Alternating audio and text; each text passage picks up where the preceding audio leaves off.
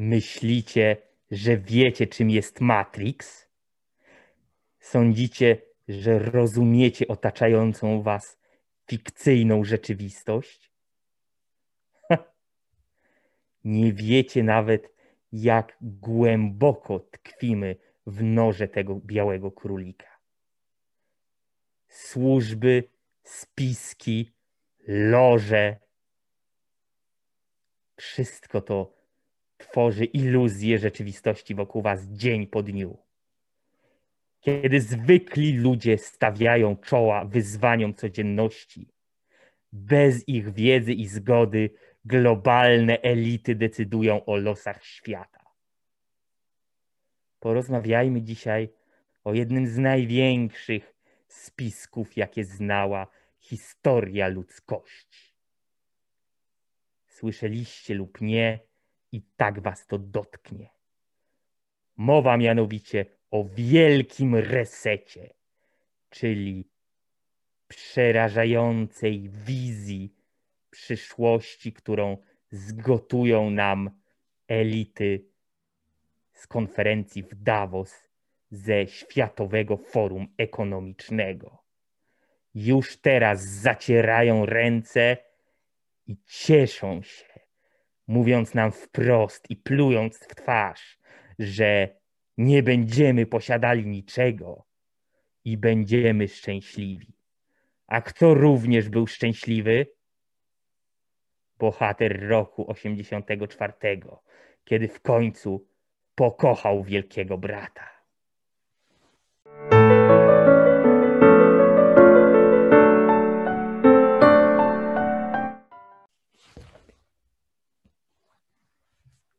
Witam w kolejnym odcinku Komentarza Atlasa. Ja nazywam się Mateusz Błaszczyk. Po drugiej stronie jest ze mną Ziemowit Gowin. Cześć. I dzisiaj chcieliśmy poruszyć temat, który jest z jednej strony bardzo ważny, e, istotny i dość często dyskutowany, z drugiej natomiast strony e, jest właśnie owiany aurą tajemnicy, spisku, e, czegoś nieprzeniknionego. I tutaj mamy dwie takie podstawowe strony. Jedna strona, która mówi, no tak, oni się tam spotykają rok w rok na tej konferencji w Davos, a już zwłaszcza teraz, jak mamy koronawirus e, i na tym Światowym Forum Ekonomicznym chcą tutaj ustalać przyszłość naszego życia. I tutaj spisek na spisku i spiskiem pogania. To jest opcja numer jeden. Ewentualnie macie alternatywę, opcji numer dwa. Jakie tam, jakie tam ustalanie, jakie tam spiski to po prostu jacyś tam przywódcy z różnych krajów i z różnych korporacji y, i ludzie ze świata polityki i y, akademii i mediów i tak dalej i biznesu, oni się spotykają, żeby porozmawiać o tym, jak zrobić, żeby było na świecie miło i dobrze i żeby tu było mniej biedy i mniej nierówności, żebyśmy wszyscy się lubili i żeby jakoś wyjść y, obronną ręką z całego tego kryzysu. I w ogóle to jakieś szury, oszołomy i głąby próbują tutaj dopatrzeć się czegokolwiek podejrzanego. Jaka jest prawda? My dzisiaj z Ziemowitem spróbujemy y, do tego dojść.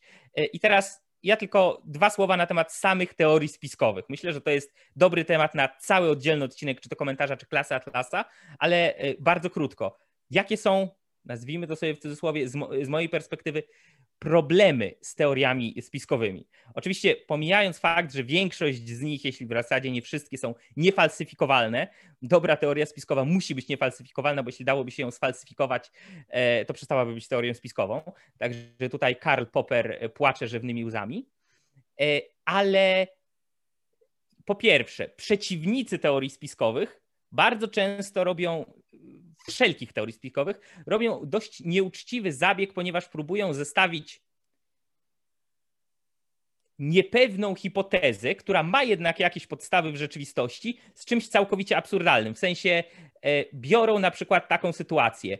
Jest ustanowiony przetarg w jakimś mieście, czy nawet w jakimś kraju, wygrywa przetarg dana firma, dana firma ma powiązania z politykami, które, którzy, którzy e, zaczęli, rozpoczęli ten przetarg.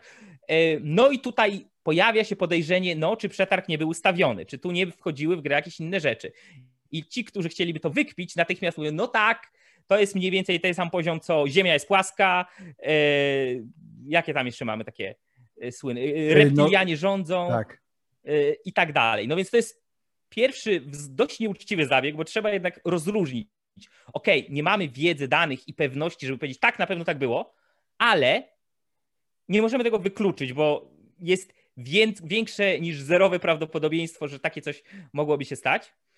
E, I to jest e, jedna rzecz. E, natomiast drugą rzeczą jest tutaj jakby błąd wszystkich tych, którzy się tak jarają teoriami spiskowymi, że no tak, no bo patrzcie, tu spisek za spiskiem, tutaj wiadomo. Zresztą część teorii spiskowych, by the way, z czasem została zweryfikowana pozytywnie. Niewiele, ale jednak. Chociażby przez długi czas teorią spiskową było, że E, Włodzimierz Lenin był agentem niemieckim, którego Niemcy wysłali do Rosji w zaplombowanym wagonie, żeby on tam zrobił dywersję na froncie i przeprowadził rewolucję, żeby Rosję wycofać z I wojny światowej. Śmiano się z tego do rozpuku, no bo jaki, jaki agent? Oczywiście to była prawda. E, odbiło się to czkawką Niemcom, ale tak czy siak to jest teoria spiskowa, która została zweryfikowana pozytywnie. Natomiast problem jest przede wszystkim dla mnie taki, że nie ma często po co sięgać do teorii spiskowych, bo jak to jeden z moich ulubionych pisarzy, Józef Mackiewicz, pisał, najgorsze rzeczy na świecie dzieją się w blasku dnia, na naszych oczach. Tak? Najgorsze rzeczy nawet nie są specjalnie tuszowane, bo nie muszą być. Wystarczy otworzyć oczy, wyjrzeć za okno, poczytać gazety, obejrzeć trochę telewizji i naprawdę nie trzeba jakiejś gigantycznej teorii spiskowej, żeby zobaczyć, coś jest nie tak. Nędza, brud, bieda komunizmu Y, były widoczne dla wszystkich, którzy w tym y, ustroju żyli i dla praktycznie wszystkich, którzy mieli okazję go odwiedzać. Nie musiała y, tu być teoria spiskowa, że komunizm jest spiskiem masonów, Żydów, ziemowita gowina czy czegokolwiek innego. Mówię o tym dlatego, że będziemy podnosić dzisiaj temat, który jest mocno spiskogenny, że tak powiem, więc warto zwrócić uwagę na to, co możemy śmiało powiedzieć, bez odwoływania się do teorii spiskowych. W sensie, nawet jeśli za tym jest drugie, trzecie, czwarte dno i coś głębszego, my o tym nie wiemy i nie możemy do tego dotrzeć, ale nawet z tego, co jest bardzo powierzchownie, tu i teraz widoczne, o czym sami y, decydenci, sami paneliści na Światowym Forum Ekonomicznym w Davos mówią, to to będziemy mogli wyłuskać i o tym porozmawiać. Zanim przejdziemy do tego forum ekonomicznego, to ja to jeszcze dodam od siebie, bo właściwie temat teorii spiskowych jest dla mnie jest niesamowicie ciekawy. Z jednej strony dlatego, że po prostu sam lubię słuchać o tym, co ludzie często wymyślają, e, jakie mają e, różne hipotezy. Więc to jest dla mnie rodzaj rozrywki. I ja, ja myślę, że dużym problemem są ludzie, którzy mają określoną mentalność, ponieważ e, jest wiele osób, które mm, bardziej, no bo to jest tak, jest jakaś teoria spiskowa, jak mamy jakieś nawet malutkie przesłanki. Tylko problem polega na tym, że są ludzie, którzy mimo ogromu przesłanek przeciwnych przeciwko danej koncepcji chcą usilnie wierzyć w tę e, koncepcję, w tę teorię daną spiskową i niejako robią w praktyce z teorii spiskowych coś niefalsyfikowalnego. Oczywiście one są falsyfikowalne e, w takim sensie ścisłym, tak jak ten Lenin, e, ale, ale, no nie, ale nie tylko to. Więc po prostu jest pewien rodzaj ludzi, którzy mm, uprawiają swego rodzaju apofenię. Apofenia to jest taki stan psychiczny, w którym e, to nie do końca jest to, ale w apofenii chodzi o to, że pewne wydarzenia pewnym wydarzeniom przypisuje się jakieś niestworzone ciągi przyczynowo-skutkowe, czyli na przykład, że wypadł mi portfel, jak przechodziłem przed sklepem z sukniami ślubnymi. To znaczy, że Duch Święty daje mi znać, że powinienem wziąć ślub.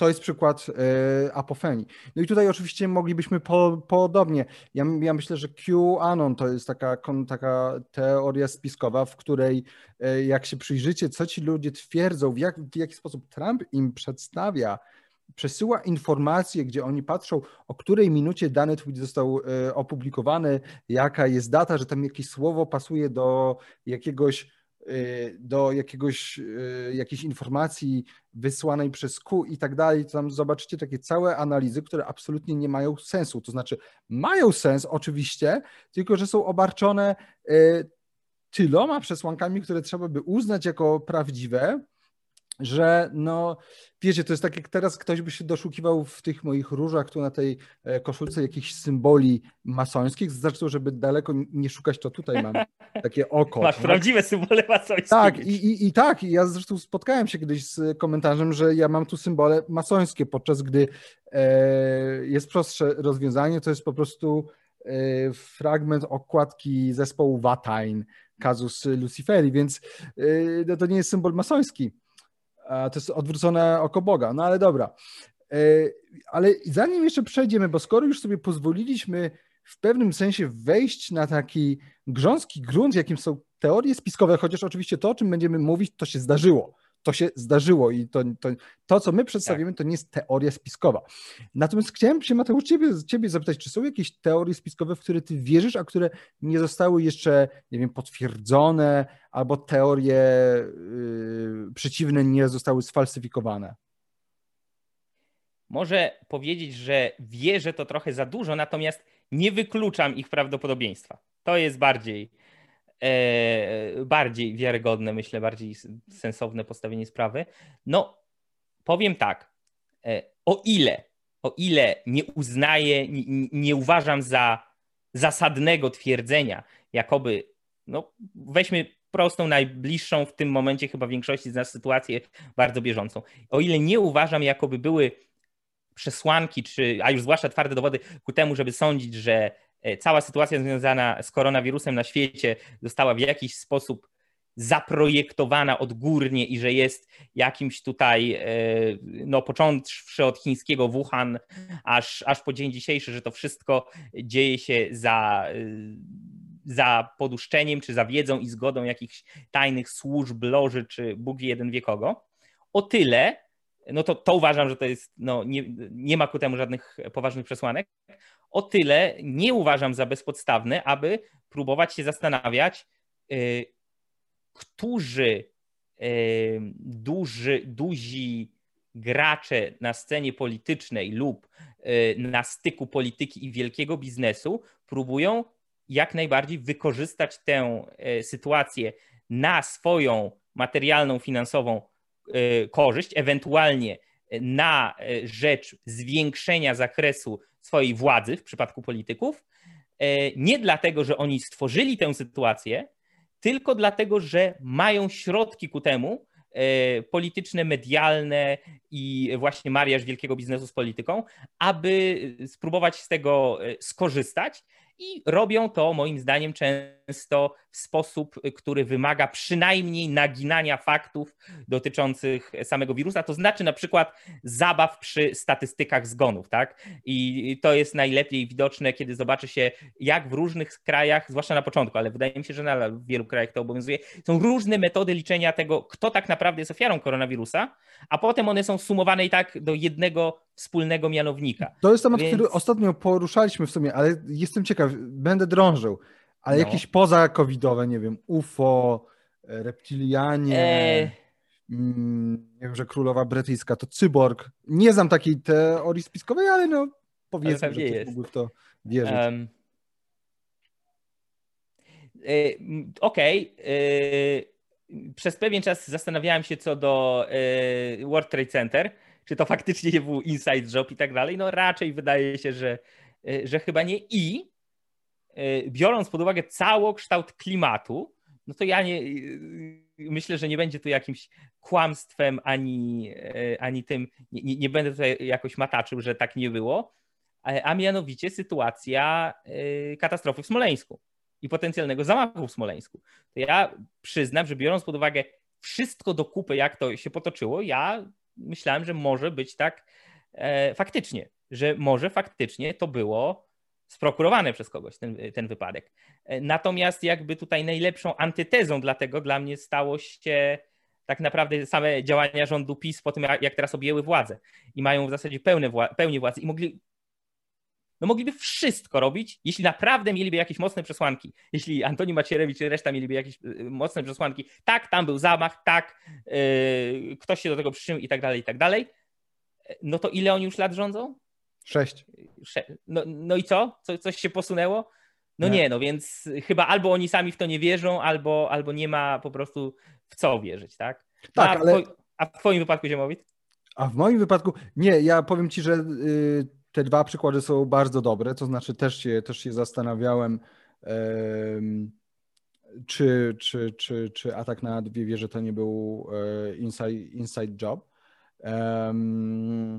No i to nie jest tak, że to wszystko, co się mówi na, na rzecz tej koncepcji jest. Znaczy, ja przy, przyznam szczerze, ja jestem mega sceptykiem. Jak ktoś mi coś przedstawia, co jest zupełnie niezgodne z oficjalną wersją, podawaną nie przez po prostu tylko rząd, ale przez większość e, ludzi, a zwłaszcza dosypie to jakimś takim spiskiem Żydów, masonów czy, czy, czy czymś, to ja jestem bardzo sceptyczny, ale cały czas jestem otwarty.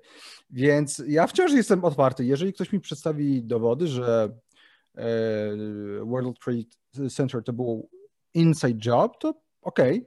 Okay. Więc to, to była jedna z rzeczy. Jeżeli chodzi o zamach, przepraszam, o e, katastrofę w Smoleńsku, to pierwsza rzecz, nad którą się zastanawiasz, to to, czy to nie był zamach. I to nawet wydaje mi się zupełnie rozsądne, no bo w przypadku tych dwóch wież, no to mog, mog, mog, moglibyśmy jakby, to nie jest pierwsza rzecz, która ci przychodzi do głowy. No? W tak. przypadku samolotu, to jakby. Z całą elitą polityczną. Całą jakby. elitą to tak. I to, i to powiem, powiem ci, że dokładnie tak jak z wirusem.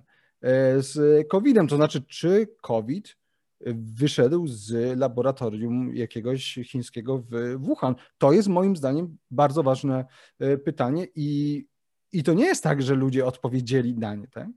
Więc yy, ja akurat nie uważam, żeby to był jakiś spisek. To znaczy uważam, że jest bardzo, bardzo prawdopodobne to, że ja bym powiedział 50-50, że to było stworzone w laboratorium. Mniej, mniej czy zostało wypuszczone specjalnie, bo to jest inna rzecz, ale no na przykład to, że jest jakaś kolej rzeczy, jest jakiś scenariusz, zgodnie z którym te różne kraje idą, wydaje mi się nieprawdopodobne i to z tego względu, że są po prostu kraje, również kraje zachodnie, w sensie należące do, do, do tak zwanego Zachodu, jak Nowa, jak Nowa e, Zelandia, jak e, Izrael, jak Stany Zjednoczone, które wcale nie idą w tę stronę, co niektóre państwa e, europejskie. Zresztą nawet wśród europejskich, no to mamy na przykład taką chociażby Szwecję. Więc ja bym tutaj, poza tym naprawdę, gdyby ktoś chciał w Polsce przeprowadzić jakiś powiedzmy, chciałby wprowadzić jakieś takie dziwne rządy, to naprawdę dać Morawieckiemu to do zrobienia, to to po prostu padnie, tak? To znaczy, gdyby Morawiecki miał wprowadzić komunizm w Polsce, to zapewne mielibyśmy jakiś kapitalizm, więc e, no więc tutaj akurat tym bym się, tym bym się nie przejmował, bo ta ekipa nie potrafi nic zrobić, nawet, nawet jeżeli jest to zasypywane pieniędzmi, ludźmi z Davos. E, ale ostatnia rzecz, jaką wspomnę, ja uwielbiam słuchać o UFO, uwielbiam. Może, może dlatego, że mam, że mam lekką fobię, tak? E, już skoro dzisiaj mamy taki personalny odcinek, to ja najbardziej boję się filmów z UFO, ale nie, nie, nie nie, no bo to jednak nie jest takie normalne UFO. Zresztą wiemy, że przedwieczni żyli na, na e, Ziemi, chociaż są oczywiście koncepcje, że UFO żyją na e, Ziemi. Ja lubię o tym słuchać. I, ale kompletnie w to nie wierzę. Znaczy, kompletnie w to nie wierzę, aczkolwiek faktycznie Roswell zastanawia. Natomiast y, są teorie spiskowe, które okazały się prawdziwe, jak na, jak, jak na przykład się okazało prawdą to, że w latach, jak była zimna wojna, w latach bodajże od 50. Y, do 70., czy nawet włącznie do 80., y, rząd amerykański często sprawiał, chciał, żeby ludzie myśleli, że to jest UFO, żeby po prostu przykryć przed, y, no, przed, przede wszystkim przed Rosją sowiecką y, fakt, że oni po prostu y, tworzą i testują jakąś super technologię, więc im zależało na tym, żeby oni nawet mm, jakby niekiedy wynajmowali różnych szurów, którzy, czy rzekomych szurów, którzy mieli właśnie twierdzić, że tak, że to jest UFO. I to są, i to są konkretne jakby przykłady w sensie są konkretne historyczne e, przykłady takiego zachowania. Natomiast jeśli chodzi o samo UFO, to ja nie wierzę. Oczywiście to jest ciekawe, bo jest wielu, nawet wśród amerykańskich elit jest wiele osób, które e, wierzą w e, UFO. Ponoć w UFO wierzył też Reagan i to bardzo mocno. No w końcu no. wygrał Gwiezdne Wojny ze Związkiem Sowieckim, tak? No, sam no bez tak. pomocy UFO by nie, tego nie zrobił. No. no. właśnie, no właśnie, właśnie. No ale dobra, już y, przejdźmy w takim razie może, może e, do Davos i ja powiem kilka słów, czym to w ogóle tak. jest. I moja, moja propozycja jest taka, żebyśmy, ponieważ wstęp o teoriach spiskowych był dość długi, w tym momencie zróbmy y, na wideo timestamp i nasi widzowie, którzy będą chcieli posłuchać tylko o Davos, mogą część o UFO przeskoczyć. Dobra. Dobra. Zaczynajmy wobec tego temat y, samego Davos. Tak jest. Y, no więc y, czym, jest, czym są te spotkania w Davos? To są konferencje, które są organizowane właśnie przez to Światowe Forum e, Ekonomiczne, World Economic e, Forum. E, I to jest oficjalnie po prostu międzynarodowa fundacja non-profit, którą założył Klaus Schwab, niemiecki ekonomista w 1971 roku. On był, on był profesorem Uniwersytetu Genewskiego. No i tak, właściwie... także równo 50 lat. Tak. To jest, y, mamy 2000 y, teraz, 21 y, to była 50. okrągła rocznica założenia Światowego Forum Ekonomicznego. Tak. Więc takie jubileuszowe, jubileuszowy kongres. No to jest akurat wspaniały rok, żeby, żeby jakby zapanować nad światem. No i od 50 lat, właśnie pod koniec stycznia każdego roku, od 2 do 3 tysięcy wpływowych osób, to są biznesmeni, politycy, akademicy, jacyś przedstawiciele świata e, mediów. Oni się spotykają e, właśnie w górskim e, kurorcie w Davos, w kantonie Gryzonia w Szwajcarii i przez pięć dni po prostu dyskutują o jakichś wyzwaniach, z którymi się powinien zmierzyć e, świat. No więc rozmawiają o kwestiach gospodarczych, o kwestiach społecznych, o kwestiach e, e, politycznych. Oni też mają swoją stronę, tak? Ta fundacja istnieje legitnie, mają stronę tak. i tam czytamy, jak przedstawiają swoją misję. Cytuję. No ja mogę, ja mogę zacytować? A proszę bardzo. Tak, więc mi się, dziękuję. Światowe Forum Ekonomiczne to międzynarodowa organizacja współpracy publiczno-prywatnej. Forum angażuje czołowych przywódców świata polityki, biznesu i kultury oraz innych społecznych liderów do kształtowania światowych, regionalnych i branżowych planów działania. Forum jest niezależne, bezstronne i niepowiązane z żadnymi partykularnymi interesami. I co? Łyso wam teraz spiskowcy. Sami mówią, że są niezależni, niepowiązani i bezstronni. Forum dokłada wszelkich starań, aby wykazać przedsiębiorczą aktywność w interesie społeczeństw świata, a jednocześnie zachować najwyższe standardy zarządzania. Moralna i intelektualna uczciwość stanowi sedno tego, co robi. Koniec cytatu. No, ja bym to skwitował krótko, pięknie brzmiące pustosłowie, bo jakby z tej misji, tak przedstawionej, my się nie dowiadujemy praktycznie nic. I ja nawet nie jestem jakimś wielkim przeciwnikiem e, tworzenia, zapis, zapisywania misji działalności jakiejś organizacji czy instytucji, bo przekonałem się, że to jak najbardziej może być dla tej organizacji czy instytucji przydatne, pomocne i może naprawdę znajdować się tam jakaś esencja tych działań. E, zresztą założona przez Tomka Kołodziejczuka-Ziemowita i mnie e, organizacja, Fundacja Centrum Kapitalizmu też ma przecież swoją misję, E, natomiast no tu może jestem trochę zbyt surowy, ale to jest taka typowa, typowe lanie wody, typowe pustosłowie. Nie wiem, no to jest pustosłowie, tak. No. Już moralna, intelektualna uczciwość stanowi set do tego, co robimy, no to już jest takie na zasadzie takie virtue signaling level ultra hard. No, no tak, ale to, to ja bym powiedział, że to jest typowe, no bo co mieliby napisać, że naszą misją jest dominacja nad światem, e, zupełna zmiana struktur gospodarczych, a nie, czekaj, właściwie to o tym rozmawiali, bo w tym roku znaczy w 2021 e, spotkali się, e, tym razem nie na żywo. Konferencja miała miejsce online. E, Aczkolwiek ja myślę, że te wszystkie osoby już były dawno zaszczepione. Nie wiem, nie wiem jak ty sądzisz, ale mimo wszystko odbyły się, odbyły się nie na żywo, odbyły się online. No i właśnie dotyczyły kwestii związanej z COVID-19, z pandemią, który był no, po prostu tematem, był tematem przewodnim. Więc tam oczywiście była też polityka klimatyczna, e, zwalczanie najpoważniejszych problemów społecznych, opieka medyczna, no ale przede wszystkim globalne zmiany w gospodarce. E, no i tutaj tym, tym o co tutaj chodzi, tym, tym kluczowym hasłem jest wielki reset. Jest wielki reset. I ten wielki impulsem dla tego wielkiego resetu ma być właśnie, miałaby być e, właśnie e, epidemia koronawirusa.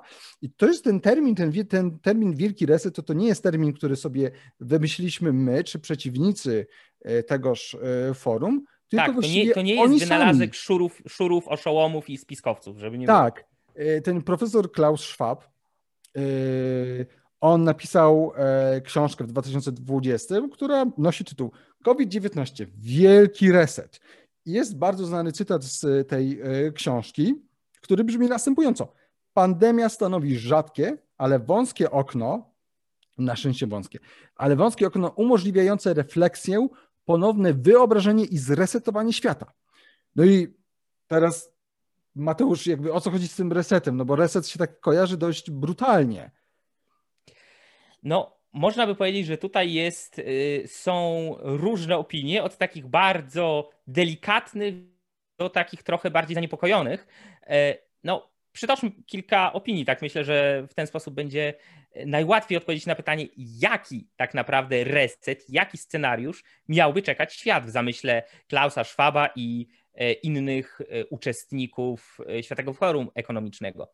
No więc dość znany, dość popularny polski inwestor e, Independent Trader 21 e, jest co do wielkiego resetu i co do wszystkiego, co tam się działo e, na konferencji w Davos, bardzo krytyczny.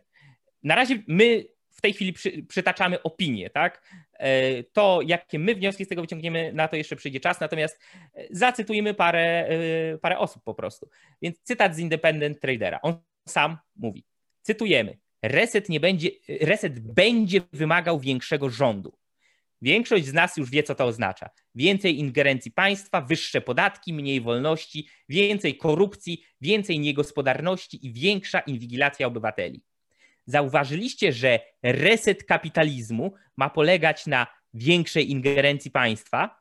Jeśli mielibyśmy cały ten bełkot przetłumaczyć na, pols na polski, to po prostu idziemy globalnie w stronę socjalizmu o ile nie komunizmu. Koniec cytatu z Independent Tradera. Ale żeby nie było e, jakby tutaj tak bardzo polsko, to zdecydowanie nie tylko e, ów inwestor i nie tylko tutaj w Polsce pewne środowiska są bardzo zaniepokojone tym, czym miałby być ten wielki reset. Co więcej, nie tylko środowiska no, szurowo-oszołomsko teoriospiskowe, tak? nie tylko David Icke i takie inne. Obawa przed wielkim restem zdecydowanie się nie ogranicza do, do polskich, ani na pewno do oszołomów komentatorów. E, niektórzy biznesmeni i ekonomiści także mocno to krytykują, między innymi Luke Gromen, założyciel firmy inwestycyjnej Forest for the Trees, czy ekonomista i inwestor e, John Moldin. I tutaj obok tego pierwszego wielkiego tematu, który narósł e, wokół samego hasła i tego, co się pod nim kryje, wielki reset, dodajmy e, gwoli uczciwości, chodzi o wielki reset w domyśle kapitalizmu. Czyli to kapitalizm ma być zresetowany. I społeczeństwa, e, które opierają się na kapitalizmie, teoretycznie czy prawdziwie. To jest jedno hasło, a drugie hasło to jest pewne proste zdanie, które pojawiło się w krótkim filmie. E, Światowe Forum Ekonomiczne e, nagrało i wypuściło względnie krótki film, który stanowił coś w stylu próby przewidzenia tego, jak będzie się rozwijał świat i stanu świata e, no, za niecałą dekadę, w 2030 roku. I był, Jedna... I był przedstawiony na takiej zasadzie jakiejś takiej reklamy. Nie wiem, ci z Was, którzy widzieli ten, ten, ten filmik, to wiedzą. Jak nie, słuchajcie, możecie go obejrzeć. To ma być takie, patrzcie, patrzcie, jak może być dobrze jak będzie fajnie. Tak. No i jedna z prognoz brzmiała, zależnie od punktu widzenia, wyjątkowo utopijnie albo dystopijnie, zależnie od czyjejś oceny. Cytat. Nie będziesz posiadał niczego i będziesz szczęśliwy. Koniec cytatu. Ziemowit. Jak no. można to rozumieć? Jak to jest rozumiane? Bo brzmi to tak słowo w słowo, gdyby to wziąć dosłownie, to brzmi to przerażająco. To jest jakaś najgorsza wersja totalitarnego komunizmu połączonego z praniem mózgu, tak? No tak, jak tak. można to odczytać? No tak, znaczy niektórzy to yy, od, odczytują, oni to interpretują yy, jako zapowiedź swego rodzaju radykalnego wzrostu znaczenia ekonomii, tak zwanej ekonomii współdzielenia, tak sharing economy. Czyli Uber, Uber Airbnb, i tego typu y, działalność, gdzie nie musicie czegoś kupować na własność, ale korzystacie z czegoś, co jest współdzielone, tak jak samochód w Uberze czy pokój w Airbnb. Tak, natomiast y, no, inni, ci, którzy E, widzą, znaczy uważają, że stoi za tym coś e, gorszego, po prostu twierdzą, że no chodzi o, o, o coś głębszego, to znaczy o takie, taką faktyczną jakby przemianę systemu e, gospodarczego. No i na przykład hiszpański dziennikarz Federico Jiménez Los Santos skomentował tę konferencję w swoim artykule, który opublikował na stronie Libertad Digital. E, no i sam tytuł tekstu jest, e, jest dość mocny. W 2030 roku nie będziesz miał nic i będziesz szczęśliwy. Światowy komunistyczny projekt oklaskiwany przez Macrona i Merkel w Davos. No i on tam jest bardzo krytyczny, e, cytuję, w złowieszczej szopie w Davos w krótkich frazach i wideo zreferowano nam przyszłość, którą przygotował dla nas wielki reset. Jest to mieszanka przestępczości i e, głupoty. No i jeżeli chodzi o ten termin, o to, o to zdanie, klucz, nie będziesz niczego posiadać i będziesz e, szczęśliwy, e, on mówi, ta, on, on mówi tak. Facet stworzył idioty, uśmiecha się, na, się w wideo na to diktum, zupełnie nie podejrzewając, że aby uniemożliwić posiadanie własności, zawsze konieczna jest absolutna tyrania. No i on też, e, ten Los Santos, on też wykpiwa po prostu tę wizję tę, tę idylliczną e, wizję powszechnej e, ekonomii współdzielenia. E, no i właśnie kontruje argument, że że, wszyscy, że, tak, że wszystko będziemy mogli wypożyczyć, będą nam to dostarczać drony. Cytuję go dalej, ale jak mogę coś wypożyczyć, jeśli nie mam pieniędzy lub domu na własność? Czy państwo komunistyczne, wielki brat zdecyduje o dronie, który mi to dostarczy? No i faktycznie tutaj jeżeli mamy tak różne opinie, e, dość, o ile nie wykluczające się to przynajmniej radykalnie e, różne, e, no trzeba sobie po prostu zadać pytanie, czym miałby być ten wielki reset, czy ma być to jakiś straszak, czy jest to faktyczny plan, E, czy może jest to po prostu projekt, który chce odrodzić gospodarkę po, e, po epidemii, no, a czy może jest to realne zagrożenie dla praw i wolności ludzi? To znaczy, wracamy do tego pytania, czy jest to próba po prostu wprowadzenia jakiegoś po prostu autorytaryzmu, tylko bardziej e, światowego. No i oczywiście nie mamy dostępu do prywatnych rozmów, nie mamy dostępu do jakichś niejawnych ustaleń E, tych uczestników e, konferencji, tych wielkich bryb, które tam, e, które biorą w tym udział. No więc jedyne, co możemy, no to możemy spojrzeć na to, do czego mamy po prostu dostęp, tak? Czyli nie będziemy po prostu tworzyć hipotez dotyczących tego, co kto komu mógł szepnąć na uszko. Więc innymi słowy, przejdziemy rzeczy... do tematu, co mamy. mówiono na tej konferencji. Mateusz? Tak, bo wbrew pozorom bardzo sporo informacji my mamy, e, nawet jeśli są to informacje, które są tak bardzo otoczone pustosłowiem, że trzeba je wyłuskać. No więc zacznijmy od tego pustosłowia. E, w ogóle sama konferencja była o tyle wyjątkowa, że po pierwsze e, jubileuszowa, 50 lat po założeniu, po drugie po raz pierwszy online, tak, nie na miejscu. Co ciekawe, Davos ma się odbyć jeszcze raz, w maju tego roku na żywo, najprawdopodobniej w Singapurze. Zobaczymy, czy tak będzie. Być może będzie to oznaczało również docelowe w końcu zmienienie e, miejsca konferencji z, e, z Davos na Singapur. Zobaczymy. Ale co tam mówili? Masa, masa, masa pustosłowia. Niemiecki portal Deutsche Welle tak określił cel spotkania. Leczenie ran pandemicznych. Okej. Okay. Coroczna publikacja badań Światowego Forum Ekonomicznego, która skupiła się na skutkach epidemii koronawirusa, e, zawierała stwierdzenie, że e, te skutki mogą doprowadzić do, nie, cytuję, niepokojów społecznych, fragmentacji politycznej i napięć geopolitycznych. Koniec cytatu. Klaus Schwab, czyli inicjator e, forum, założyciel sprzed 50 lat, przemówił w duchu współpracy. On mówił tu dużo o konieczności odrodzenia światowej gospodarki, ale uwaga, i to już jest znamienne, zauważył, że ta gospodarka będzie siłą rzeczy musiała być inna niż z okresów poprzednich odrodzeń, niż z okresów poprzednich boomów i wzrostów gospodarczych. A dlaczego? Dlatego, że y, tym razem ma być, y, ma być konieczność odrodzenia gospodarki, ale inna, bo y, taka, która będzie odporniejsza, bardziej sprzyjająca inkluzywności i bardziej zrównoważona. Koniec cytatu.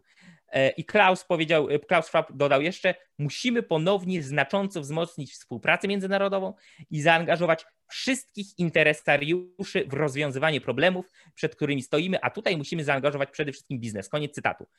Ja bym powiedział tak, e, z mojej strony, z tego całego pustosłowia na rozpoczęcie konferencji można wyciągnąć tak, musimy się kochać, współpracować, zacieśnić więzi i tak dalej. Ale co jest istotne? Po pierwsze, chcą ich sugestia brzmi tak: będziemy odbudowywać gospodarkę na nowych zasadach. Nie ma powrotu do rzeczywistości gospodarczej sprzed wirusa. To jest pierwsza rzecz. Oni to jakby. Y, to, to jest w zasadzie punkt wyjścia dla całej y, reszty konferencji w Davos. Nikt tu tego nie podważa. Nie ma powrotu do tego, co było przed marcem 2020. Będzie coś nowego. Teraz pytanie, co? E, dalej jest bardzo duży nacisk już tutaj na tą inkluzywność społeczną i większe zrównoważenie. I to, jak zaraz zobaczymy, kiedy będziemy omawiać konkretne wystąpienia w Davos, między innymi chodzi o tak zwane nierówności społeczne e, i e, między innymi chodzi na przykład o e, zmianę paradygmatu kapitalizmu z kapitalizmu interesariuszy na kapitalizm ogólnospołeczny. Co jeśli nie macie pojęcia, co to znaczy? Ja też bym nie miał, gdybym nie doczytał. Z grubsza chodzi o to, że e, plan jest taki. Jak są na przykład firmy, e, korporacje, spółki i ktoś ma w nich udziały, no to generalnie czym się przejmuje, e, przejmuje spółka? No tym, żeby udziałowcy byli zadowoleni, tak? I żeby zarabiali, a nie tracili. To jest naturalne. Natomiast tutaj jest, no jak to, wąska grupka udziałowców ma tutaj być jedyną docelową? Nie Całe społeczeństwo ma na tym korzystać, czyli pod teoretycznym płaszczykiem, ok, idźmy w stronę równości, oni mówią tak. E, dotychczasowe sposoby funkcjonowania firm, korporacji, spółek, e, zwłaszcza tych, gdzie są, e, gdzie są udziałowcy, są złe, bo są zbyt elitarne, i teraz korporacja nie ma na celu zwiększać zysków dla swoich udziałowców, tylko służyć społeczeństwu. Znowu, nie znaczy to specjalnie nic, ale bardzo poważnie pachnie no, niepokojącymi sugestiami na przyszłość. No więc no, tak, przejdźmy tak, już może konkretnie do. Tak, to znaczy jeszcze, jeszcze, jeszcze zanim to ja powiem, bo jakby takie ogólne odczytanie osób, które się boją wielkiego resetu polega na tym, że e, pomysł, pomysł jest taki, że po prostu uzależni się ludzi od rządu i wielkich e, korporacji w praktyce. Oczywiście też może powiedzmy sobie, bo ja to mówię usilnie, nie mamy kapitalizmu. Czy to jest interwencjonizm? Interwencjonizm to nie jest kapitalizm. E, I naprawdę to tak, to tak to troszeczkę adwocem do potencjalnych moich dyskutantów, którzy twierdzą, ale mamy przecież e, e, prywatną własność środków produkcji. Po pierwsze, co z tego? Jakby interwencjonizm zakłada, że część środków produkcji jest prywatna, a po drugie nie jest prywatna. Nie jest prywatna, bo rząd rządy mogły zamykać i cały czas mogą zamykać na przykład e, fabryki. Mogą. Ale ja, ja nie, nie, trzeba się cofać daleko. No, y, właściciel piw-pafu został spałowany i aresztowany ostatnio. Y, więc. Y... No, ktoś by powiedział, że to nie jest, e, że on nie miał środków produkcji, tak? Natomiast, no, słuchajcie, no, cała, cała własność cała, cała koncepcja prawna własności jest oparta o widzimy się państwa. Znaczy państwo sobie może z tym de facto robić prawie co chce. Tak, no mamy konstytucję. Tak. Mm, jeżeli chodzi o Polskę, ale nie, kochani, no mamy interwencjonizm, tak, to nie jest socjalizm, to jest socjaldemokracja, no, po prostu interwencjonizm. I to gospodarka, gospodarka mieszana, tak. Tak, i to, i to nie jest, słuchajcie, jakiś jak, jakieś twierdzenie, słuchajcie, no to wystarczy po prostu poznać y, definicję i zobaczyć, w jaki sposób państwo e, interweniuje, tak? Więc no oczywiście ja bym powiedział tak, że ten paradygmat, ja, ja bym chętnie odszedł od dzisiejszego paradygmatu i wprowadził kapitalizm, ale prawdziwy, czyli żadnej ingerencji państwa w gospodarkę, no ale ale tak naprawdę myślę, że po prostu y, ta zmiana paradygmatu oznacza po prostu pogłębienie tego, co mamy teraz, czyli, y, czyli po prostu jeszcze większego y, interwencjonizmu. Zresztą to jest ta wypowiedź e, tradera 21, który, który, który e, uważa, że do tego to e, ma dążyć. No ale dobra, to przejdźmy teraz do pierwszego dnia. Tam się za, w, podczas pierwszego dnia konferencji zabrał głos po, po raz pierwszy po kilku latach, bo tam była kilkuletnia przerwa jego w uczestnictwie w spotkaniach tego forum, prezydent Chińskiej Republiki Ludowej Jinping. Tak się, tak się, tak się go czyta? Chyba tak. E, Myślę, że się nie obrazi, razie, raczej też nie będzie. E, Kubuś e, Puchatek, tak? On nie lubi, jak się go tak nazywa, to jest Kubuś Puchatek. Jak, wie, jak ci z was, którzy nie wiedzą, South Park jest, który sobie zrobił z niego żarty, że on jest Kubusiem Puchatkiem. South Park został ocenzurowany i nie ma go w ogóle w chińskim internecie. No i co powiedział przywódca komunistycznych Chin? On powiedział, że Konieczna jest to równowaga, że z jednej strony należy przeciwdziałać rozprzestrzenianiu się wirusa, jakbyście nie wiedzieli, ale też trzeba dbać o rozwój gospodarczy, jakbyście nie wiedzieli. Ale co ma być środkiem ku, y, ku, tem, ku tej równowadze? No właśnie zmiana modeli wzrostu światowej gospodarki i zacieśnienie globalnej współpracy gospodarczej. Więc no, to też są ogólne zdania, to też są ogólne twierdzenia. No to, to ja mam propozycję, to niech Chiny skończą bawić się w wojnę celną ze Stanami Zjednoczonymi. To będzie krok w stronę zacieśnienia globalnej współpracy. Tak, i też mogliby na przykład przestać y, zamykać ludzi w obozach y, koncentracyjnych tak. y, i gwałcić y, kobiety i je sterylizować. To, to, to, to by było fajne. Żałuję, że świat się tym, że świat się tym ostro nie zajmuje, no ale no cóż, e, jak ktoś ma pieniądze, to jemu wolno niestety więcej. E, no i co? Była też tego pierwszego dnia, był, był, był, tym, był, panel, był e, panel Responding to the COVID-19 Crisis, tak? czyli odpowiadając na kryzys COVID-19, dyrektor generalna American Heart Association dyrektor Narodowego Instytutu e, Alergii i Chorób Zakaźnych, dyrektor generalny Royal e, Philips, redaktor naczelny Bloomberg News oraz premier Grecji Kyriakos Mitsotakis dyskutowali, w jaki sposób firmy i rządy mogą ulepszyć i zintensyfikować. zintensyfikować, przepraszam, współpracę w ramach działań mających na celu opanowanie kryzysu e, pandemicznego. E, no Tutaj to... ja tylko sobie pozwolę na jedną Jasne. uwagę. Dlaczego jest szczególnie ciekawe, że spośród wszystkich tych osób jedynym prawdziwym, w cudzysłowie nazwijmy to sobie, prawdziwym politykiem e, jest premier Grecji, między innymi dlatego, że w tej chwili, mówię to z bólem serca, bo ja jestem Helenem i naprawdę bardzo lubię Grecję jako kraj, lubię wielu Greków jako ludzi, bo podoba mi się grecka kultura, grecka historia i tak dalej, już nie mówiąc o greckiej filozofii. E, ale Grecja niestety jest w tej chwili w absolutnej czołówce jeśli chodzi o wprowadzanie najbardziej restrykcyjnych i najbardziej absurdalnych y, ograniczeń, restrykcji, zakazów, nakazów związanych z COVID-19, to jak to jest respektowane na poziomie lokalnym, to jest inna sprawa, bo Grecy bardzo często nawet policjanci potrafią przymknąć oko. Nie, nie, niekoniecznie będą od razu pałować, tak? E, jak, jak tutaj właściciela piw-paw. Natomiast y, to jest inna sprawa, ale jeśli chodzi o rozporządzenia rządu, to Grecja jest tutaj bardzo w niechlubnej czołówce e, no, tych głupich rozwiązań i to w szczególności głupich, że Grecja jest krajem turystycznym, więc im powinno zależeć na tym, żeby jak najszybciej, jak najwięcej turystów mogło e, do nich przyjechać, wjechać e, i po prostu sobie odpoczywać, zwiedzać i tak dalej. Natomiast w tej chwili robią wszystko wbrew, wbrew temu turystycznemu interesowi własnemu. No i jakby tutaj obecność na tym panelu Responding to the COVID Crisis premiera Grecji no, nie jest zaskakująca i to jest no, bardzo nieciekawy, yy, nieciekawy sygnał, no, zwłaszcza no. dla osób takich jak ja, które no, życzą Grecji i Grekom raczej dobrze. Znaczy no, ogólnie życzymy wszystkim ludziom dobrze, tak. więc y, życzymy kapitalizmu wszędzie, bo to jest dobre dla e, wszystkich. Ale też ciekawe rzeczy się pojawiły też tego e, pierwszego dnia, e, gdy podniesiono kwestię powrotu do gospodarczej normalności, czy bardziej do nowego paradygmatu, już po kryzysie, już po zażegnaniu kryzysu tego pandemicznego. No i tutaj mamy dwóch przedstawicieli środowisk bankierskich. Mamy prezesa Banku Japonii, Haruhiko Kurodę i Christine Lagarde, która jest szefową Europejskiego Banku Centralnego centralnego, oni kładli ogromny nacisk właśnie na konieczność bardziej ekologicznego podejścia do rozwoju gospodarczego. To jest zresztą coś, co mocno Unia e, Europejska, jak teraz wiecie, e, promuje. Tak, my też w Polsce, jeżeli teraz e, przegłosujemy tę ratyfikację, to tę ratyfikację związaną z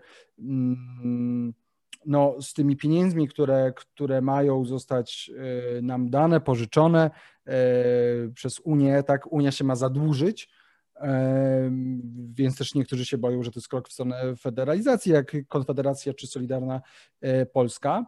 Natomiast wydaje się, że to zostanie przegłosowane. No to jedną z rzeczy, które Polska będzie musiała robić, to jest właśnie częściowo pójść już w stronę, y, w stronę po prostu zielonej y, energii, więc gadali o tym ekologicznym y, podejściu do rozwoju gospodarczego, które już jest trochę, ale też rozważali koncepcje, które miały być niezbędne dla no, zrównoważonego rozwoju.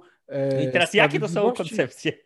Sprawiedliwości społecznej tak, kwestii sprawiedliwości społecznej, e, parytetu płci, e, tego, co Mateusz już wspomniał, czyli kapitalizmu interesariuszy, e, czy choćby współpracy publiczno-prywatnej, tak, więc no to są takie rzeczy, które moim zdaniem zapala, zapala się lampka, jak, jak o nich słuchamy. Tak, no drugiego dnia, konferencja w Davos w ogóle pięć dni, tak, gdybyśmy jeszcze o tym nie wspomnieli. Drugiego dnia głównymi te, e, e, tematami były dwa takie leitmotywy. Ekologia, dalej, ciąg dalszy i kwestia cenzury i wolności słowa w internecie. Moim zdaniem ta druga jest ciekawsza, bo pokazuje pewien bardzo niepokojący sojusz ponad podziałami, ale o tym zaraz. Zacznijmy od tej ekologii. Kanclerz Niemiec, czyli Angela Merkel, podkreślała konieczność ogólnoświatowej współpracy, która jej zdaniem jest absolutnie niezbędna w rozwiązywaniu globalnych problemów, takich jak kryzys zdrowotny i klimatyczny. Czyli widzimy, że w samej narracji jest tutaj już łączona kwestia e, wirusa COVID-19, który jest na całym świecie, i kwestia prawdziwego bądź rzekomego katastrofalnego e, stanu e, światowego klimatu i zbliżającego się pandemonium. I tutaj Angela Merkel no, w takim staroniemieckim duchu powiedziała, że no musimy się wszyscy jednoczyć i że rozwiązywać problemy na poziomie globalnym. Ale co zabawne, i zaraz powiem dlaczego zabawne, zadeklarowała również z dumą, że Europa ma szansę stać się pierwszym kontynentem neutralnym dla klimatu.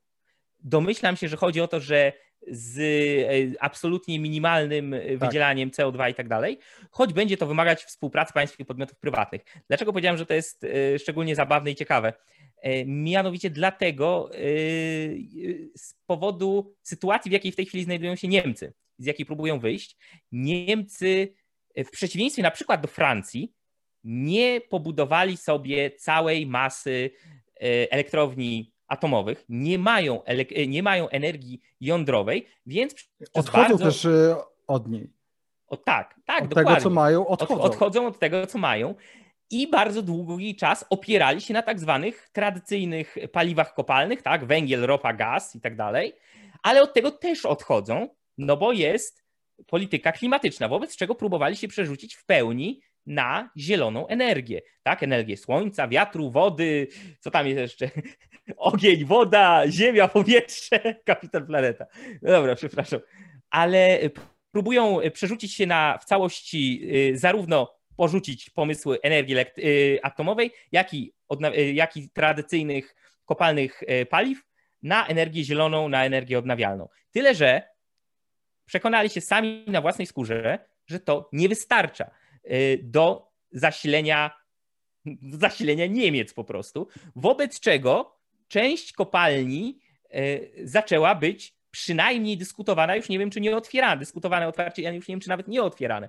Więc jakby tutaj ta deklaracja Angeli Merkel, że Europa, i to jeszcze jako kanclerz Niemiec, Europa będzie pierwszym kontynentem neutralnym dla klimatu, no powiem, no, no nie w ten sposób, nie przy takiej polityce, że mówimy węgiel, ropa, gaz, nie, jednocześnie atom też nie, z całym szacunkiem dla paneli słonecznych i tak dalej, które w określonym kontekście, w określonych rozmiarach, w określonym miejscu i tak dalej mogą być jak najbardziej uzasadnione, nie jest to rozwiązanie na zapewnienie energii całej Europie. Skoro nie jest to rozwiązanie nawet na zapewnienie energii całym Niemcom.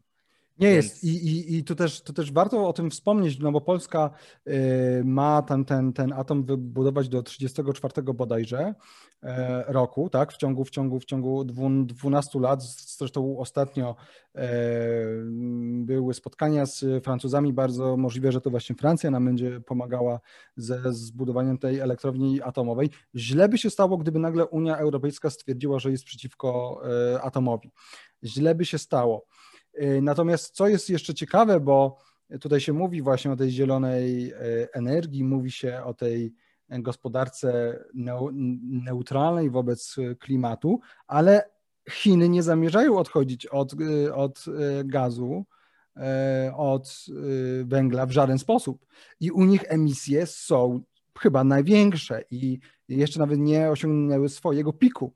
E, więc oni się tam w ogóle nie zastanawiają, więc to jest też oczywiście bardzo ciekawe, w jaki sposób można walkowerem oddać walkę, walkowerem oddać po prostu e, komuś zwycięstwo, no i dominację e, gospodarczą pod takimi hasłami, które, no, które same w ciebie uderzają. Tak. Ale dobra, przejdźmy teraz może do tej kwestii wolności słowa. Tutaj tak. przypomnę, jest filmik, nasz e, dotyczący tego, czy to, co robi Twitter i potencjalnie Facebook, czy to jest e, czy to jest cenzura? My mówimy, że nie. Wiele osób tego nie rozumie, tego nie rozumieją też politycy Konfederacji, tacy jak Bosak czy Winnicki. Tego oczywiście nie rozumie nikt na lewicy, że ani liberałowie, ani pisowcy. Oni wszyscy twierdzą, że to jest, jest to zagrożenie dla wolności słowa. Tak się pojawił ten pomysł tego projektu, który, który miał być pod e, egidą Zbigniewa Ziobry, żeby właśnie w, w jakiś sposób ingerować w to, co robi Facebook i e, Twitter, tak? E, I, ale też niektórzy wolnościowcy, to znaczy ja, ja zauważyłem, że są wolnościowcy, którzy uważają, że to, co robi YouTube, że to, co robi Facebook i tak dalej, to jest, to jest cenzura. Nie jest. Jeszcze raz zajrzycie do tego naszego filmiku, tutaj na górze się Wam wyświetli i e, posłuchajcie, jakich my mamy argumentów. Ale teraz przejdźmy już do e, tego, co powiedziano drugiego dnia na temat właśnie Big Tech. Tak, było to bardzo ciekawe ze względu na to, co powiedziano i kto to powiedział z jak różnych stron. Więc najpierw drugiego dnia e, przewodnicząca Komisji Europejskiej Ursula von der Leyen i prezydent Francji, czyli Emmanuel Macron, podzielili się swoimi obawami co do przyszłości. Przyszłości demokracji. I teraz tak, dlaczego? Jakie są te obawy? No więc ich zdaniem wielkie firmy technologiczne, ten tak zwany big tech, takie jak Google, Facebook, e, etc., e, zwłaszcza te, które są skupione na dostarczaniu usług związanych z mediami społecznościowymi, Twitter, Facebook, etc., consortes, YouTube, e, mogą negatywnie wpływać na procesy demokratyczne. Teraz ja powiem tak, nie wiem, co to znaczy demokraty- negatywnie wpływać na procesy demokratyczne, bo demokracja jest po prostu procesem, który sam w sobie jakby. No tutaj no, chodzi o to, że. Nie no, słuchajcie, bo to, to, tutaj generalnie argument jest taki, że po prostu Facebook i Twitter potrafią mieć, wpłynąć w, w, w, ogromny sposób na nastroje społeczne i w ogromny sposób na chociażby wynik, wynik wyborów. To tak, znaczy, to jest tak, prawda. No i co z tego? No, Gazeta Wyborcza, y, sieci, Y, Gazeta Polska, TVP, TVN też. Tak. Wow, tak. i co z tego? Może za... wszystkie media skasujmy. Tak. Zostawmy tylko prawdę przekazywaną przez polityków.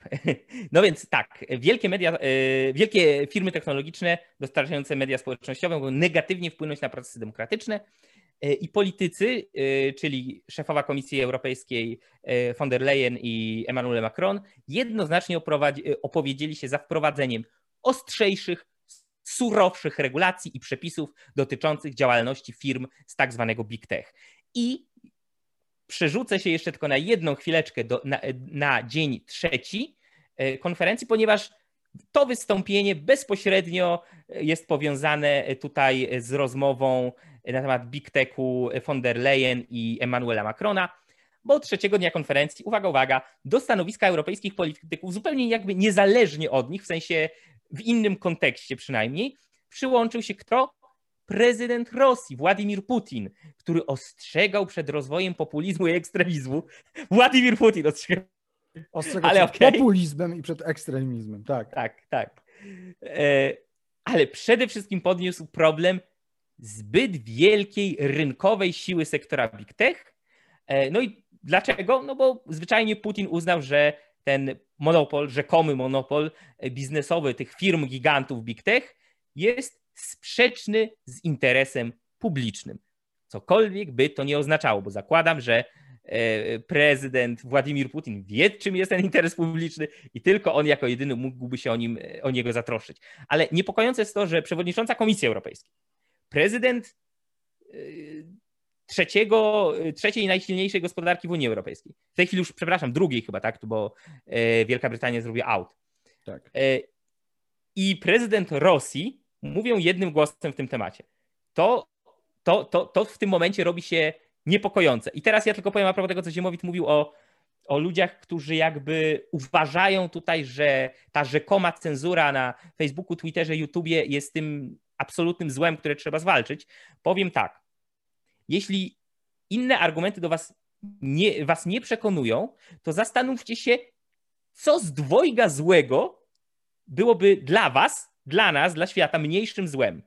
Żeby pan Zuckerberg, żeby pani Suzan Wójcicki i kto tam jest trzeci CEO tej ostatniej firmy, e, mogli sobie ustalać arbitralne, dowolne zasady tego, jakie będą kasować tweety i komentarze, jakie filmiki usuwać, czy żeby tym, co, jak kto, kiedy, gdzie i na jakich zasadach może e, pisać, publikować, mówić, ustalała pani przewodnicząca Komisji Europejskiej Ursula e, von der Leyen, prezydent Francji Emmanuel Macron i prezydent I Rosji Władimir Putin. Putin. No, jakby po prostu sobie pomyślcie, tak?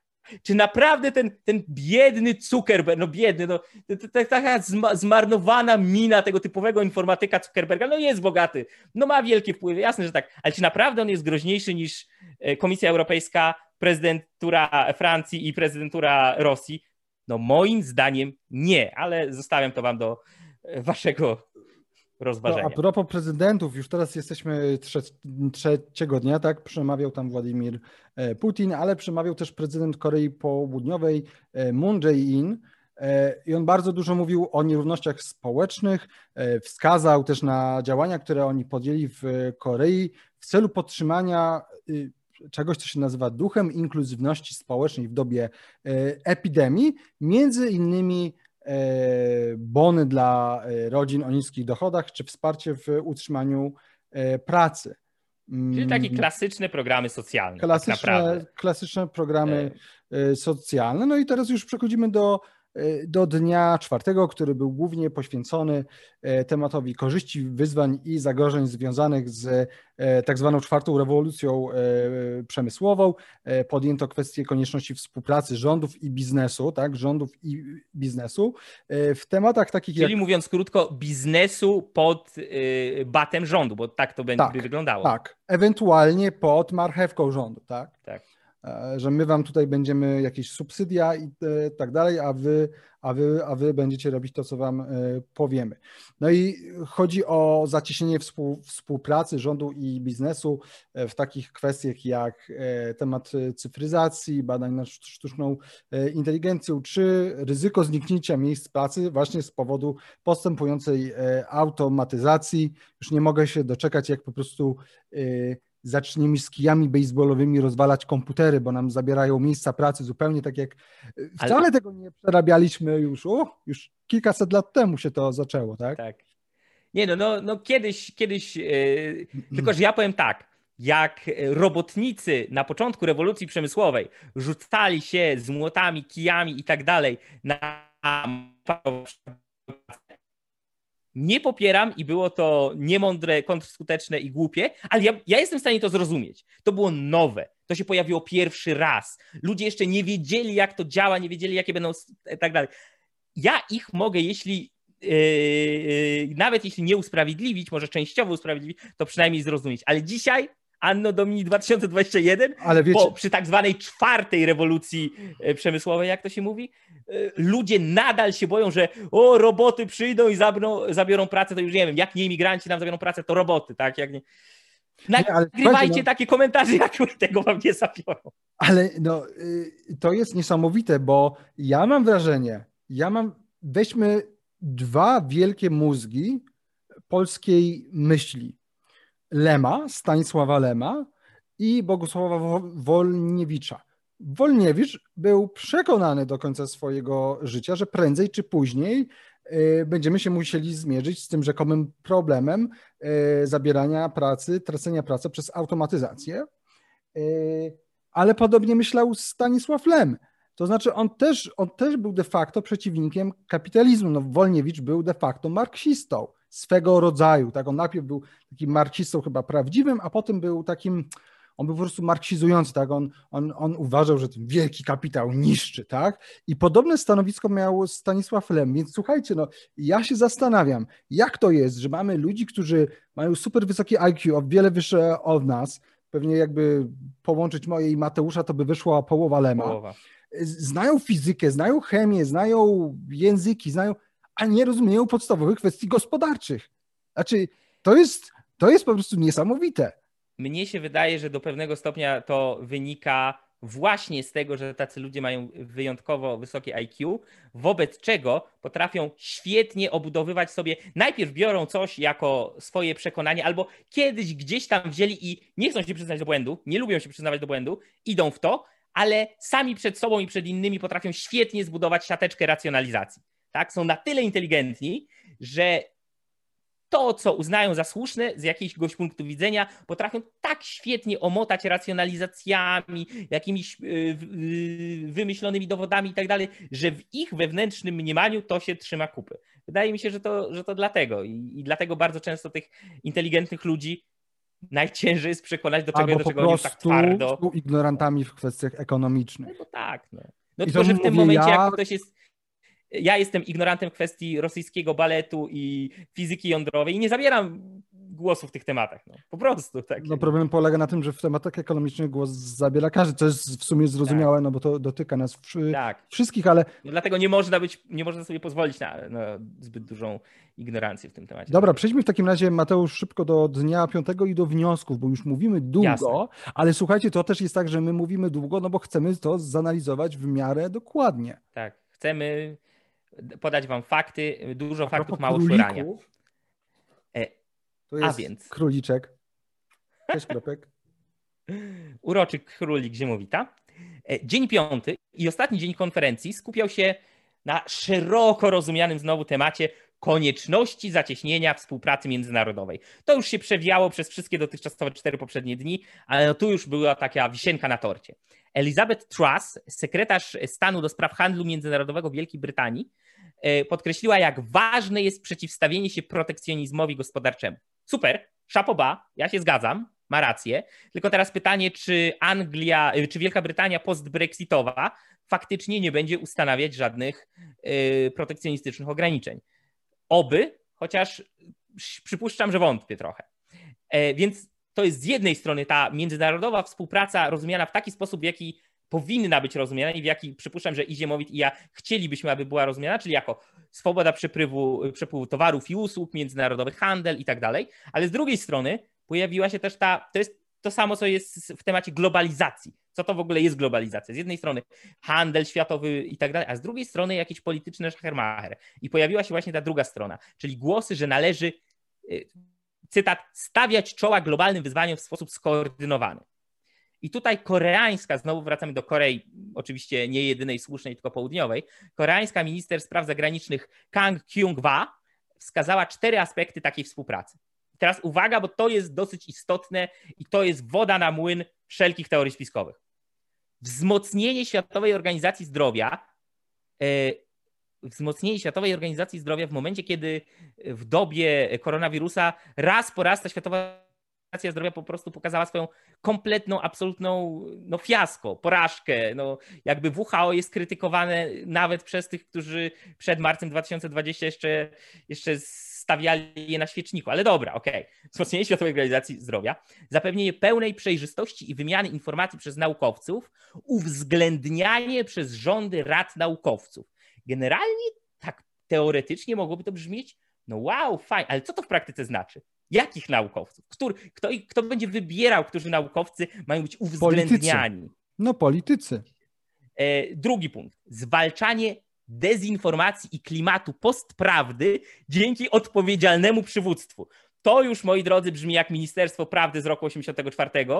Zwalczanie dezinformacji. Super, ja też jestem za zwalczaniem dezinformacji i mówieniem prawdy, ale kto ma to robić? Jak, jak zwalczać? Można po prostu, jeśli słyszy się kłamstwo albo półprawdę, można temu jedyne, co można zrobić, to przeciwstawić prawdę i powiedzieć, jak jest naprawdę i pozwolić ludziom, ok, zastanowić się, to ma więcej sensu, to jest prawda, bierzemy, a tamto nie. Kto ma z tym walczyć? Znowu politycy, znowu jakieś agencje rządowe czy ponadrządowe, ponadpaństwowe.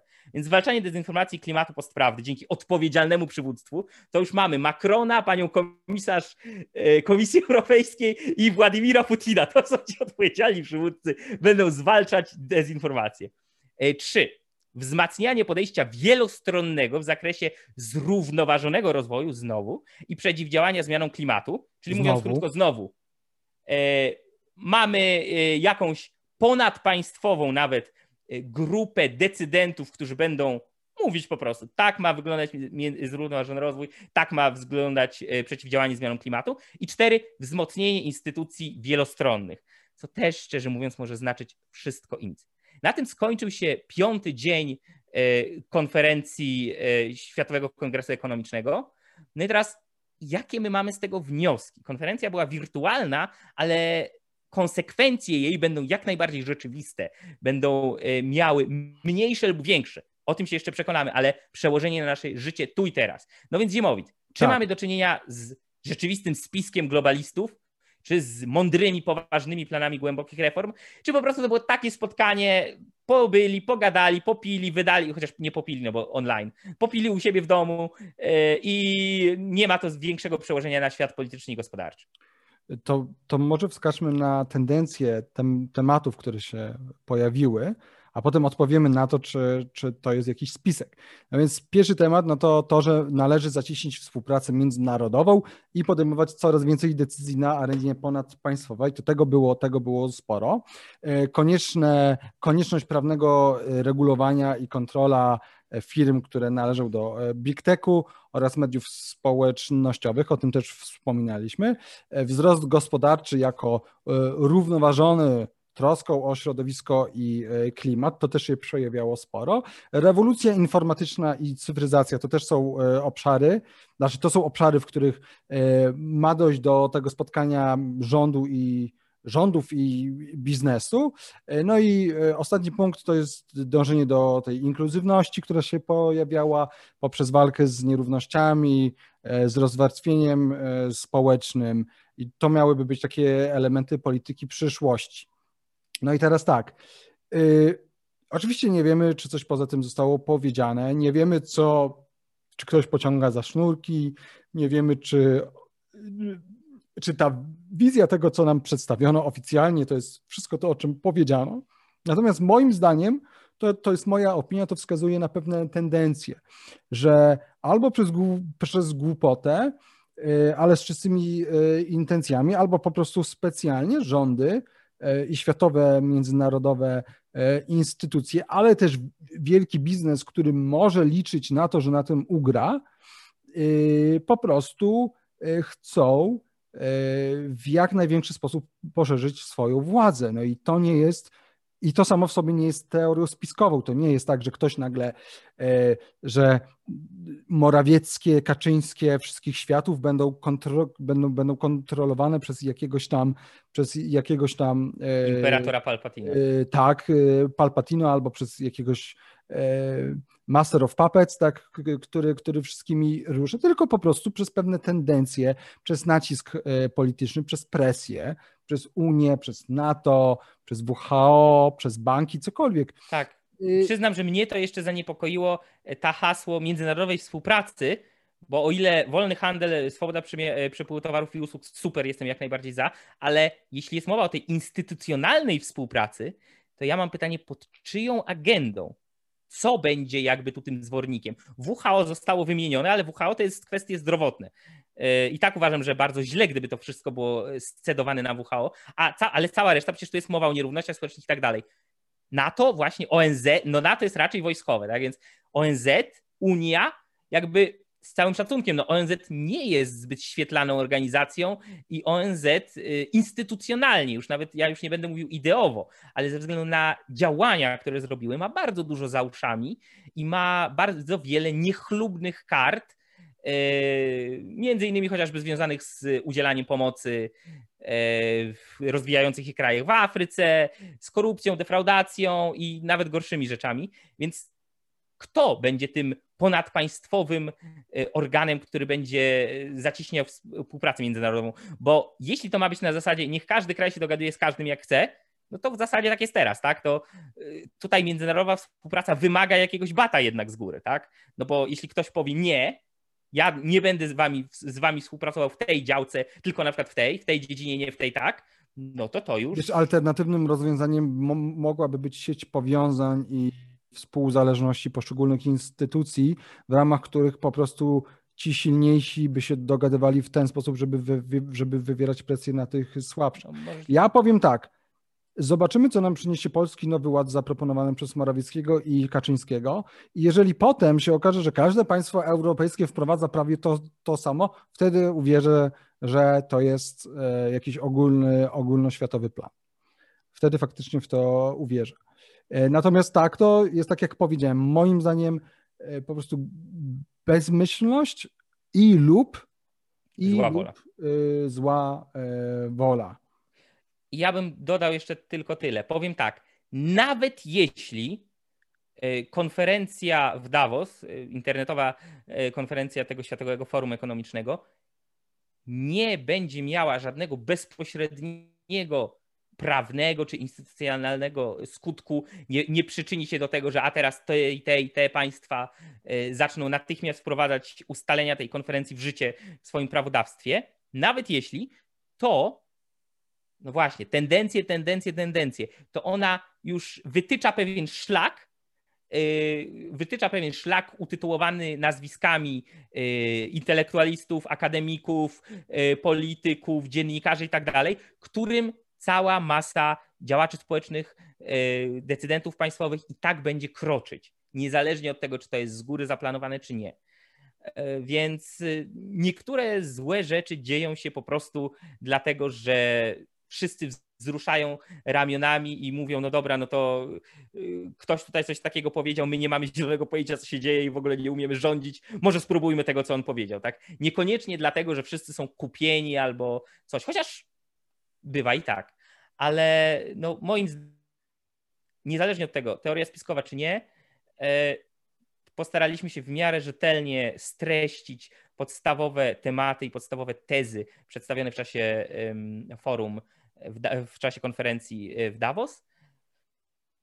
Czy będzie to faktycznie tak źle, jak wróżą najczarniejsze scenariusze? No my w tej chwili nie wiemy. Na to będziemy musieli poczekać. W tak komentarzach możecie wy. napisać, co wy sądzicie, jakie wy macie przewidywania co do przyszłości tej popandemicznej. Dzielcie się linkami, dzielcie się dowodami na jakiekolwiek teorie spiskowe wokół tego, albo też inne. Powiedzcie, w jakie wy teorie spiskowe wierzycie albo wierzycie. Totalnie, totalnie tak. Jestem bardzo ciekaw, e, w co ludzie wierzą. Jak macie dowód, że istnieje UFO, to totalnie prześlijcie, żebym nie mógł spać.